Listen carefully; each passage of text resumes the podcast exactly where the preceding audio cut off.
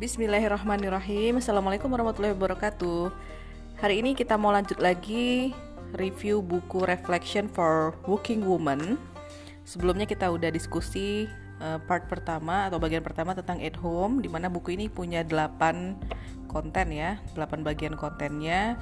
Uh, sekarang kita masuk ke bagian kedua dengan judul besarnya Company Politics atau politik dalam uh, perusahaan ya atau tempat kerja. Jadi yang pertama dia beliau si Mbak Carol A. Turkington ini membahas tentang accept the credit, accept the blame. Jadi uh, menurutnya kalau misalkan kita seorang wanita yang bekerja di tempat kerja itu ya kita harus menerima apa ya mungkin itu pujian atau menerima reward atau menerima hadiah atau token apresiasi apa pun itu hal-hal yang baik gitu ya. Tapi di bahasa yang sama ketika kita ada yang memblaming atau mungkin bahkan kesalahan yang kita buat ya terima juga itu gitu. Karena kita manusia biasa yang nggak apa ya nggak luput dari salah gitu kan. Mungkin kita berusaha bekerja semaksimal mungkin seoptimal mungkin tapi terkadang ada aja gitu celahnya atau mungkin kurangnya bagi uh, rekan kerja kita atau atasan kita dan ya udah jangan melarikan diri gitu. Kalau memang ada kekurangan kesalahan ya udah terima aja itu. Be honest gitu ya. Nah uh, dan di sini beliau Mbak Carol ini bilang salah satu refleksinya itu coba deh kita refresh atau review balik gitu. Dalam sebulan itu berapa berapa kali sih kita buat kesalahan di tempat kerja gitu. Dan berapa kali kita menerima itu admit gitu ya. Kita benar-benar accept redo gitu menerima bahwasanya kita salah gitu. Dan uh, kira-kira uh, mana yang mudah gitu? Kita menerima pujian atau menerima um, blaming atau kesalahan gitu. Ya pastinya rata-rata orang lebih suka nerima pujian gitu kan. Tapi harusnya kita harus fair. Ya nerima dua-duanya gitu.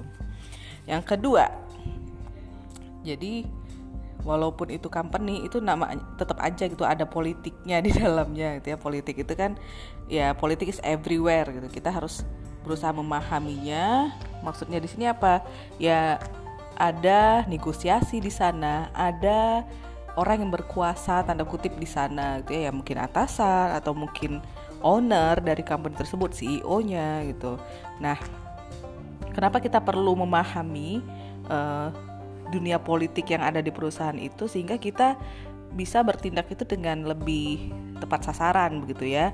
Contohnya kita harus paham siapa sih yang benar-benar punya memainkan peranan gitu di departemen kita kerja atau di organisasi kita bekerja atau mungkin kita bisa list gitu orang-orang yang memang berpengaruh gitu kan kenapa karena ya ketika orang itu berpengaruh maka keputusan-keputusan dibuat itu berdasarkan mereka. Seperti itu. Untuk itu kita harus paham nih orang yang berpengaruh ini gimana karakternya apa yang mereka mau. Bukan berarti kita menjadi apa ya bermuka dua atau penjilat gitu. Tapi kita bisa ya seninya lah. Seni dalam mungkin uh, melakukan kebijakan. Misalnya contohnya kayak saya gitu kan di bagian R&D ya kita harus tahu oh karakter company ini seperti ini nih gitu. Yang dimauin oleh atasannya begini nih. Sehingga apa kebijakan yang kita buat mungkin menyesuaikan dengan um, background atau karakter mereka gitu. Ada orang yang maunya uh, slow down gitu ya nggak yang langsung perubahan tuh tek tek tek tek langsung cepet gitu. Ada yang maunya uh, harus cepat berubahnya gitu kan sistemnya harus jalan. Ada yang maunya ya udah tegas aja gitu kan. Nah itu jadi macam-macam. Dan itu penting untuk kita memahaminya. Sehingga apa decision yang dibuat itu uh, bisa enak untuk semuanya gitu ya next never undersell yourself gitu. Jadi ini yang bagian ketiga di part kedua ini tentang politik di company ya. Jadi jangan justru mengunderestimate atau ya merendahkan tanda kutip kalau di sini undersell ya, menjual murah diri kamu gitu. Jadi it's okay to to have a negotiation gitu. Jadi kalau misalkan kita direkrut gitu ya dan kita tahu kemampuan kita ya negosiasi. Misalkan ditawarkan gaji sekian sekian kalau kita rasanya bisa earn more than that gitu. Tapi kita harus memang membuktikan dengan performance kita gitu ya. Dan ya itu nggak ada salahnya untuk bernegosiasi uh, gitu. Karena ya mungkin sebagian orang mikir kalau bisa perempuan itu udah terima-terima aja deh gitu kan. Karena udah untung misalkan di company itu ada yang uh, menerima misalnya uh, woman untuk bekerja gitu ya. Padahal nggak juga gitu kalau ketika kita punya value ya kita bisa untuk itu tadi bergain ya. Gitu dan intinya kita harus tahu gitu kalau kita tuh worth untuk di company tersebut gitu. Tapi pakai cara yang elegan begitu ya bukan berarti kita itu memaksa gitu ya intinya polite tapi firm. Kalau di dibilangnya firmly and politely. Jadi sopan dan tegas gitu. Ya salah satu refleksinya uh, pernah nggak kita itu mendapatkan salary di bawah yang kita bayangkan? Ya mungkin kalau kita untuk orang yang nggak terlalu experience mungkin pernah ya karena dia akan melihat dari segi experience kita juga dan melihat uh, cara kerja kita juga. Kemarin saya dengar salah satu podcast yang menarik gitu di situ tentang resign kapan waktu yang tepat untuk resign. Kalau kata si pembicaranya ya salah satunya adalah ketika kamu tuh bersinar di perusahaan tersebut. Maksudnya ketika performance kita bagus ketika kita memang sudah membuat legasi di situ sehingga kalau memang perusahaan memang memerlukan kita ya mereka akan berusaha mempertahankan dan mungkin memberi tanda kutip nilai lebih kan. Ya udah kamu stay aja di sini berapa gaji yang kamu mau? Misalnya kita naikin deh itu kan ada negosiasi lagi. Nah atau yang kedua kalaupun memang ternyata mereka mau let go kita uh, ternyata ya udah kalau kamu mau resign ya udah silahkan gitu. Uh, udah setidaknya kita sudah meninggalkan itu tadi legasi atau masterpiece di perusahaan tersebut. Ya ketemunya baik-baik pisahnya juga baik-baik apalagi di saat posisi kita memang atau performance kita lagi bagus-bagusnya gitu kan. Jadi nggak ada yang tersakiti begitu Oke, okay, next tentang politik di company ini uh, poin yang dibahas juga tentang follow your own star. Maksudnya apa? Don't ride anyone else cocktails on the way up the career ladder. It makes for a very slippery position. Oh, jadi ini tentang kita harus ya membangun reputasi kita sendiri atau personal branding lah bahasanya sekarang gitu kan. Bahwasannya kita tuh bukan nempel sama orang gitu. Misalnya ada orang yang mungkin tadi misalnya kita diskusi tentang orang berpengaruh di perusahaan itu gitu ya. Jadi kita tuh pakai nama dia aja. Sedangkan performance kita low misalnya. Jadi orang tuh bukannya respect sama kita tapi takut atau segan karena bos kita ini. Misalnya karena kita dekat sama bos. Padahal jangan begitu gitu. Karena one day mungkin bos kita itu nggak kerja di situ lagi. Terus gimana dengan performance kita gitu kan? Nah, jadi intinya ya build our own. Jadi jangan nembeng sama orang. Kalau untuk reputasi untuk performance kerja itu kita sendiri. Toh ketika misalkan kita uh, kinerja kita bagus gitu ya terus juga kita menghasilkan sesuatu di situ itu akan balik ke kita. Skill yang nambah tuh siapa? Kita gitu. Dan ya insya Allah itu gak akan sia-sia. Apalagi kita niatkan itu untuk kebaikan ya.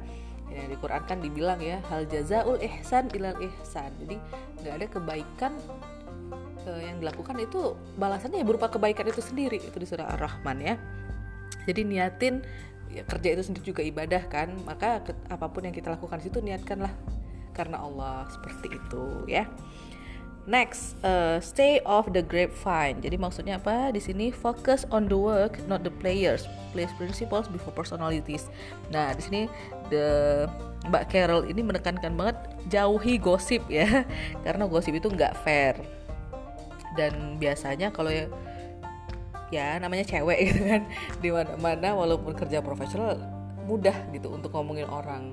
Eh eh nah kalau udah eh eh tahu nggak? Wah itu kuping biasanya lebar gitu kan untuk oh iya ya gitu. Apalagi misalnya kita nggak suka sama orang itu wah tambah jadi gitu kan.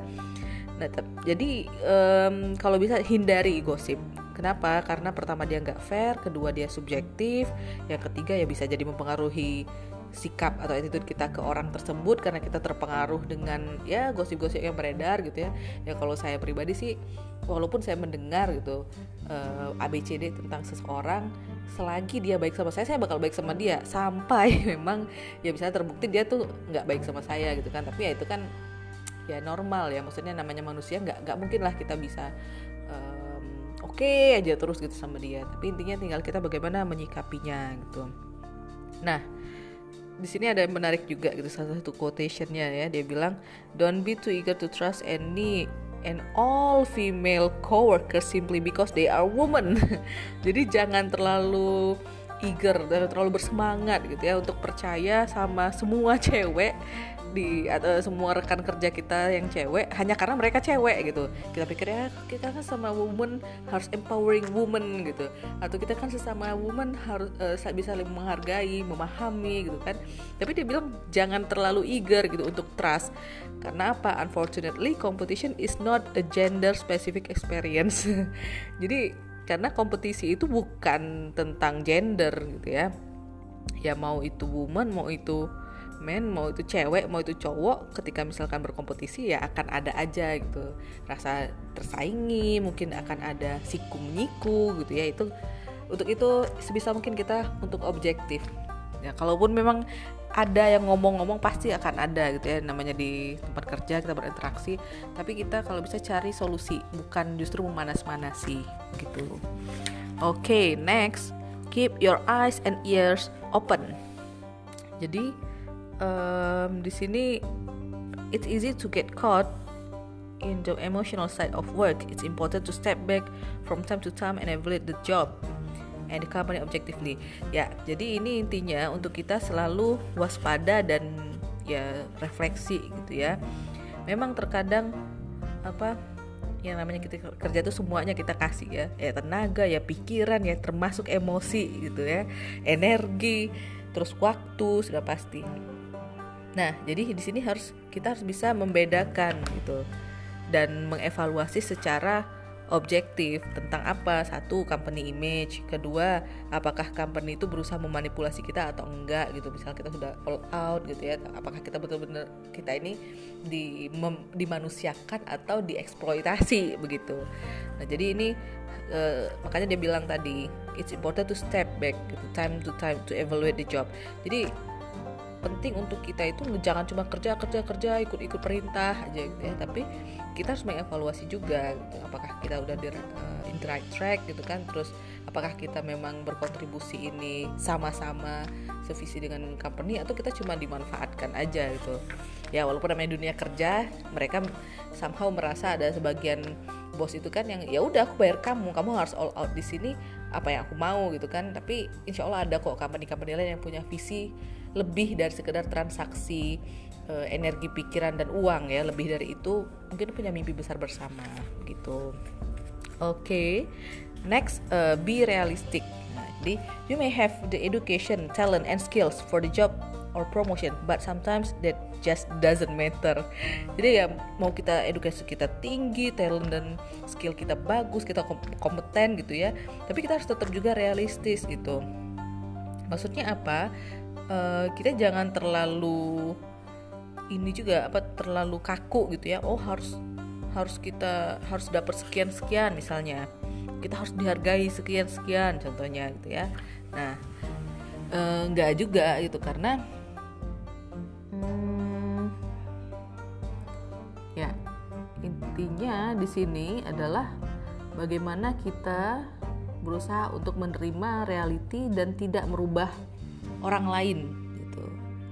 Tidak terlalu misalnya overact tentang komen gitu kan. Walaupun mungkin ada orang yang beredukasi tinggi berkompetensi kadang jadi komen sedikit langsung panas atau gimana gitu kan. Jadi intinya ya santai aja enjoy let it flow dan berusaha untuk doing uh, our job as the best as we can gitu. Kenapa? Karena ya kita mencoba untuk memberikan uh, example yang sebaik-baiknya, gitu. tapi bukan karena orang ya, tapi karena diri kita sendiri kita tahu kita worth gitu ya. Oke, okay. next um, terakhir ini tentang don't mix love and work. ya ini agak-agak bahaya ya, macam-macam gitu. Ada yang mungkin kalau misalnya masih single ya mungkin it's okay. Tapi ya harus bersiap dengan rumor gitu harus bersiap dengan pandangan negatif orang. Ah itu mungkin dia dipromosikan naik jabatan karena dia dekat sama bos mungkin gitu-gitu. Nah tapi um, ya namanya cinlok ya atau cinta lokasi itu kadang tidak bisa dihindari juga gitu. tapi ya harus profesional aja gitu jangan sampai justru uh, kerja kita jadi terganggu hanya karena perasaan gitu ya dan mungkin ini juga penting salah satunya adalah untuk kita bisa sama-sama objektif dalam bekerja jadi kalau misalnya hmm, ada yang punya rasa begitu yang masih single gitu ya kadang kita tuh nggak objektif gitu. Mungkin misalnya sama si A atau sama karyawan lain kita biasa aja tapi ketika dia misalkan yang perlu bantuan kita kita all out. Nah itu kan nggak adil ya. Kita harusnya ya sama siapa pun sama begitu. Nah ngomong-ngomong tentang love and work ini juga harus hati-hati apalagi misalnya mungkin kita pasang dengan pasangan kita uh, kerjanya di tempat yang berbeda. Ya namanya mungkin di tempat kerja masing-masing punya um, workload yang berbeda terus background apa namanya culture yang berbeda di tempat kerja itu gitu ya dengan orang-orang yang berbeda gitu. Ya kita mungkin fresh ya itu ketika kita di tempat bekerja pas pulang ke rumah uh, sama-sama capeknya gitu kan. Mungkin ada one day kita lagi bersih tegang sama pasangan nah itu hati-hati ketika di tempat kerja. Mungkin kita melihat ada temen yang lawan jenis kita sepertinya perhatian sepertinya ini jangan mudah langsung kayak oh nih kan orang lain aja lebih baik dibanding pasangan aku. Nah itu itu nggak boleh gitu. Karena apa? Ya namanya rekan kerja tahu kita tuh cuma berapa jam itu aja itu satu. Yang kedua dia nggak hidup sama kita. Pasangan kita tuh hidup sama kita. Jadi hmm, kenapa saya diskusi tentang ini? Karena tidak sedikit gitu fakta bahwasannya uh, perselingkuhan juga terjadi di tempat kerja. Makanya mungkin ya some people gitu ya strictly gitu atau ya benar-benar tegas untuk tidak mengizinkan uh, istri itu bekerja di luar rumah karena itu juga mungkin salah satunya tantangannya tidak tidak tidak kecil gitu ya. Jadi bagi kita pasangan yang sudah punya pasangan bekerja hindarilah yang namanya uh, ikhtilat atau berdua berduaan dengan lawan jenis. Uh, dan kita kita tahu ya misalnya ada orang yang kayak ini udah perhatian lebih atau udah gimana gimana nah itu harus dibatasi jadi kita tahu garisnya tahu limitnya gitu untuk tetap profesional aja dan salah satu tipsnya juga adalah ada baiknya ketika kita sering mungkin mengajak uh, partner kita ke tempat kerja ketika memang ada event dan kita kenalkan sama teman-teman kerja kita bagus gitu misalnya uh, pasangan kita itu jadi teman juga untuk teman-teman kantor kita sehingga mereka bisa menghormati gitu kan nggak macem-macem lah insya Allah oke okay. jadi untuk hari ini lumayan 17 menit ya kita udah diskusi tentang part 2 dari buku Reflection for Working Woman. Insya Allah next kita akan diskusi ke bagian 3 tentang working relationships. Sekian, Assalamualaikum warahmatullahi wabarakatuh.